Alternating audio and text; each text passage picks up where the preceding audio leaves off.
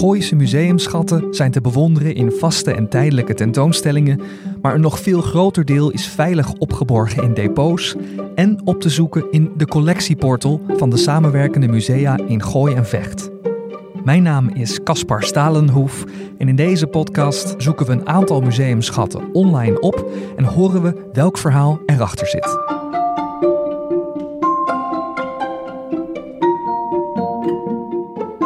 Het is nog altijd goed zoeken in museumcollecties naar voorwerpen die zijn gemaakt door of voor vrouwen. Helemaal als het bijvoorbeeld over de middeleeuwen gaat. Wel wordt daar steeds meer onderzoek naar gedaan. En wie beter of anders gaat kijken naar collecties, kan toch sporen ontdekken die door vrouwen zijn achtergelaten. In deze aflevering doen we dat in het Muiderslot, met als aanleiding een gouden ring.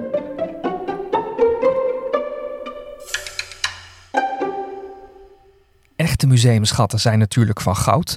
Dus in de collectieportal Gooise museumschatten.nl kun je bijvoorbeeld ook zoeken op het woord goud. Je ziet dan bijvoorbeeld een aantal oorijzers met gouden stiften. Dat zijn onderdelen van traditionele klederdracht uit de collectie van het Huizer Museum. Of je ziet een gouden snuifdoos te vinden in het eh, Vestingmuseum in Naarden. Of een gouden ring met daarop een paarskleurige edelsteen, een amethyst. En deze ring kun je voorlopig alleen hier online bekijken, omdat die bewaard wordt in het depot van het Muiderslot. Nou, daar is de laatste deur. Ah, daar is de laatste deur. Ja, je ziet het ook. Museumdepot.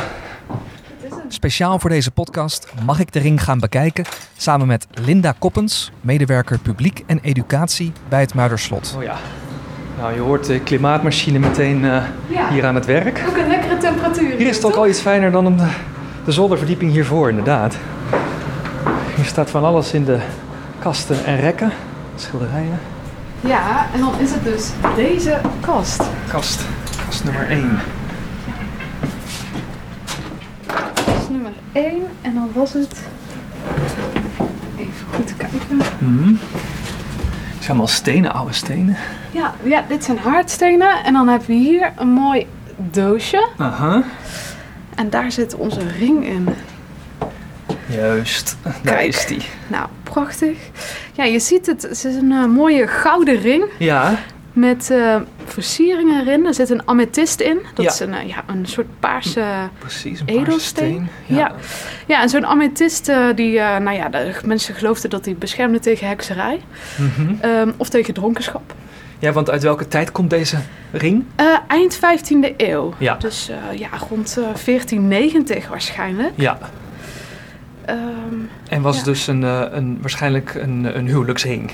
ja, een huwelijksring. Ja, er zit ook een eh, inscriptie in. Mhm. Er staat in Je me tiens. Eh, nou ja, dat is Frans voor ik zal me eraan houden. Ja, en daaruit leid je af dat het waarschijnlijk een huwelijksring Past wel bij een huwelijk, Ja, zo'n precies. zo'n uitspraak. Ja. Ehm, ja, van goud, gedragen door iemand die zich dat dus kon veroorloven. Ja, ja, waarschijnlijk is die geweest van iemand van adel. Eh, dus dat is waarschijnlijk ook een gearrangeerd huwelijk geweest. Daar is weinig liefde aan te pas gekomen. Ja. Zo'n huwelijk werd echt ingezet om eigenlijk eh, ja, bezittingen in stand te houden... of om een grondgebied uit te breiden... om nieuwe relaties op te bouwen met andere families. Het is natuurlijk wel leuk om te weten dat... eh, niet iedereen, zoals ik net al zei, zo'n ring kon veroorloven. En dat je ook bij een verloving toch vaak een onderpand wilde geven. Als soort van belofte dat je met elkaar zou gaan trouwen. En dat kon dan ook een ander onderpand zijn. Dat kon iets te eten zijn, bijvoorbeeld een peer. Eh, maar het kon ook een slok wijn zijn. Ja. Ja, dus als je het kon veroorloven, dan deed je zo'n mooie ring. Maar Ja. zo niet, dan kon je wel iets anders bedenken. Ja. Dat je als eh, onderpand van een zo'n huwelijk kon, eh, Ja. kon beschouwen. Ja, en dat kon je als, als vrouw, als je dat accepteerde, kon je dat vervolgens ook als bewijs aanvoeren dat jullie zouden gaan trouwen. Want precies. ja, het was wel belangrijk dat die man dan ook die belofte na zou komen. Juist. Ja, dat, dat transactionele van dat huwelijk, dat is natuurlijk heel erg typerend van die tijd. Hè? Ja, ja, en dat zie je onder de adel, maar dat zie je eigenlijk ook, ja, op het platteland zie je dat ook wel in mindere mate hoor. Daar hadden mensen toch wel wat meer vrijheid om een huwelijkspartner te kiezen. Mhm. Maar je ziet er als er land in het spel is of andere bezittingen, dan was zo'n huwelijk toch echt, ja, ook een transactie. En Ja. dat, ja, dat was heel zakelijk Ja, en eigenlijk. heel strategisch dan ook, hè? Ja, ja, ja, er moesten veel afspraken gemaakt worden. En was dat allemaal rond, dan pas kon je eigenlijk echt gaan trouwen. Die deur kun je gewoon achter je Ja. We verlaten het depot om door te praten over die ring. Want hier komt het. Van alle voorwerpen in het Muiderslot die uit de middeleeuwen komen, is dit het enige voorwerp dat toebehoorde aan een vrouw. Er worden veel verhalen verteld in het Muiderslot en daarin is de hoofdrol altijd een man. De 13e eeuwse graaf Floris V, die het Muiderslot liet bouwen, de 17e eeuwse schrijver P.C. Hoofd, die hier terwijl hij slotvoogd was literaire avonden organiseerde, wat later de Muiderkring is gaan heten. En eigenlijk het hele lijstje slotvoogden, zoals P.C. Hoofd, die een aantal jaren het kasteel kwamen beheren, bestaat geheel uit mannen. Ja, en ik wil eigenlijk het verhaal vertellen van die 50% aan mensen die hier ook waren, namelijk die vrouwen.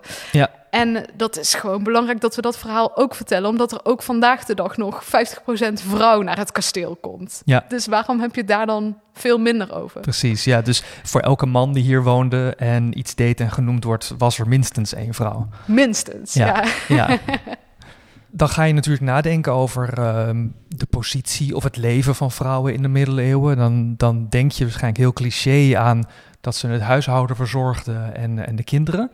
Klopt dat beeld? Nee, daar, Nee. daar klopt helemaal niks van. Hmm. Het was echt niet zo dat de vrouw alleen verantwoordelijk was voor het huishouden. Dat deed ze ook. Ze Mhm. zorgde voor de kinderen. Maar eigenlijk werkte ze dus ook gewoon mee in het bedrijf van de man. Of in het, in het vak van de man. Ja, deed ze erbij nog eigenlijk. Ja, dat deed ze er gewoon bij. Of misschien was dat wel de hoofdtaak en deed ze het huishouden Ja. erbij. Ja, Want het was gewoon belangrijk dat zij ook geld binnenhaalde. Eh, en zo'n gezin was de hoeksteen van de samenleving. En daarin moest iedereen eigenlijk meewerken. ja, Dus ook die vrouw. ja. Ehm, hoe, hoe, zijn, hoe zijn vrouwen verder hier in dit gebouw, in dit museum, in dit kasteel zichtbaar? Nou, je ziet de vrouwen hier in het kasteel niet heel makkelijk. Maar als je op zoek gaat, dan vind je eigenlijk natuurlijk heel veel sporen van vrouwen. Want er leefden waarschijnlijk 50% vrouwen hier ook op het slot. Ja, En je zag natuurlijk ook dat, eh, vooral in de middeleeuwen, dan was de graaf heel vaak van huis. Dus dan moest de vrouw hier ook gewoon alles regelen. Juist.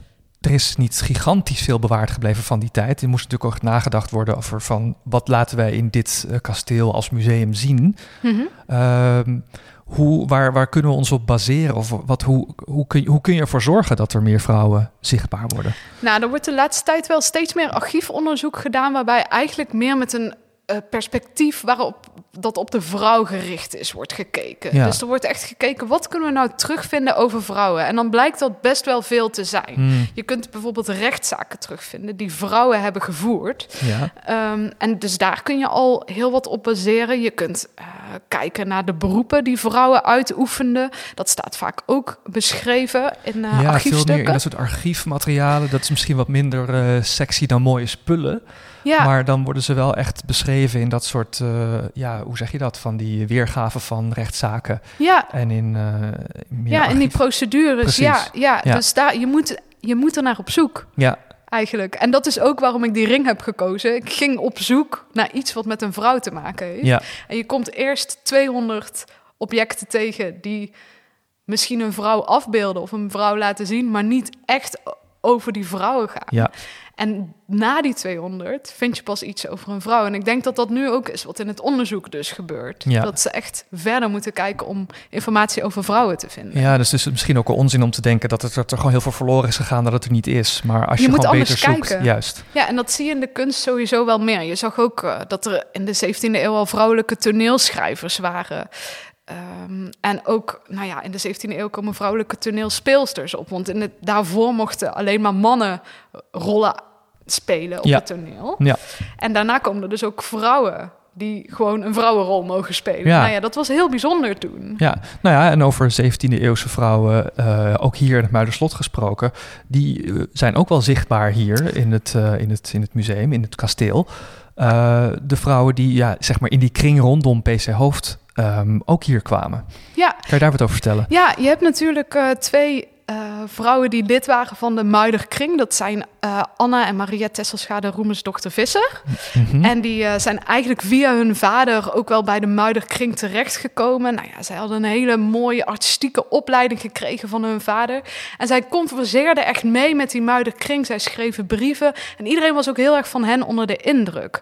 Dus zij, nou ja, zij waren hier een, een vaak geziene gast.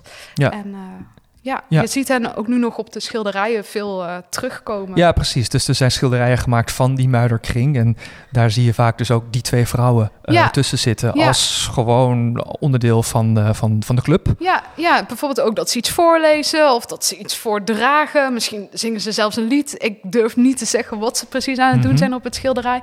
Maar je ziet wel dat ze echt actief deelnemen aan die muiderkring. Ja. En uh, aan wat daar allemaal gebeurde. Ja, en dan ook heel anders afgebeeld dan de schilderijen die iets verderop hangen. Hè, waar dan ook vrouwen te zien zijn. Maar dan veel meer in een, ja, iets wat ze moeten representeren. Niet om wie zij zijn. Maar meer een soort van, uh, ja, dan natuurlijk dan door mannen geschilderd als een soort... Ja, met een bepaald Object. doel als een object ja, inderdaad. ja, je ziet, ja, je ziet echt te- het verschil tussen eigenlijk die vrouwen van de muiderkring die iets staan te doen. Precies. En die vrouwen, nou ja, die bijvoorbeeld half naakt zijn afgebeeld Ja. en daar zitten en verleid worden door twee herders. Mhm. En dat zijn natuurlijk de verhalen die toen ook verteld werden. Dus niet, niet raar dat het op een schilderij staat, maar je ziet dat verschil wel. Precies. Dat is heel opvallend. Ja. En ik denk als je altijd zulke afbeeldingen aan de, eh, aan de muur had hangen, dan krijg je ook een ander beeld van vrouwen. En ik denk ook dat dat is wat er doorheen de geschiedenis is gebeurd. Er is altijd heel veel gebaseerd op de verhalen die altijd al verteld werden over vrouwen. Wat uiteindelijk is gebaseerd vaak op e- ja, Eva, van Adam en Eva, die, nou ja, ervoor heeft gezorgd dat het, dat het paradijs is gevallen, zeg maar. Ja. En Ja, ja, absoluut. nou ja, je ziet wel dat heel veel van de middeleeuwse literatuur daar uiteindelijk op teruggrijpt. En dat daardoor dus een heel specifiek beeld van een vrouw ontstaat. In 2019 was hier een tentoonstelling waarin die ring een, eh, eigenlijk voor het eerst tentoongesteld is ook, hè, in 2019. Eh, gewapend met schoonheid. Eh, nu ligt hij weer op depot. En ik denk, als ik jou zo aanhoor, zou je het liefst hebben, denk ik dat die ergens hier natuurlijk gewoon vast te zien is. Wat, er, moet eigenlijk iets, er moet eigenlijk iets verzonnen worden, waardoor dat, waardoor dat ding, dat, dat object, op een betekenisvolle manier tentoongesteld kan worden. Ja, ja ik denk dat, dat, dat het heel belangrijk is om ook objecten te laten zien die echt met vrouwen te maken hebben. Dus het zou heel mooi zijn als die ring uit het depot werd gehaald en een mooi plekje kreeg. Ja, Misschien wel in de wapenzaal, naast Ja. al die wapens, dat je daar een prachtige ring neerzet. Om te laten zien dat dat dus ook een soort wapen kon zijn. Of dat, nou ja, dat je daarmee ook heel veel pracht en praal kon uitstralen. Wat Ja. natuurlijk ook gebeurde met wapens. ja. Eh, dus het zou een hele mooie tegenhanger zijn om hem van het depot eh, weg te halen. Maar voor nu is dat nog niet zo. Mhm. En eh, geven we wel sterke vrouwentours. Die dus, waar we dus wel kijken met het perspectief van de vrouw. Of Ja. ja. nou ja, met ons perspectief. En hoe leefde de vrouw in de middeleeuwen? En wat betekende zij hier voor het slot? ja. Dus ondanks dat die objecten er dan nog niet altijd zijn... kun je ook met een andere blik al heel veel zien over die vrouwen hier op het slot. Ja, met de objecten die hier nu al te zien zijn. Ja, Ja. ja. je moet gewoon creatief zijn. Ja. Bedankt voor, je, voor deze bijdrage aan de podcast. Ja, graag gedaan. Leuk dat je er was.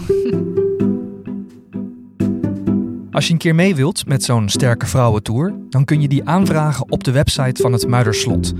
Rondom Internationale Vrouwendag, 8 maart, staan die tours ook weer gepland op 5, 6 en 8 maart 2022. Met op 6 maart in de middag ook een Ode aan de Vrouw, een programma met zang en voordracht. Meer sterke vrouwen?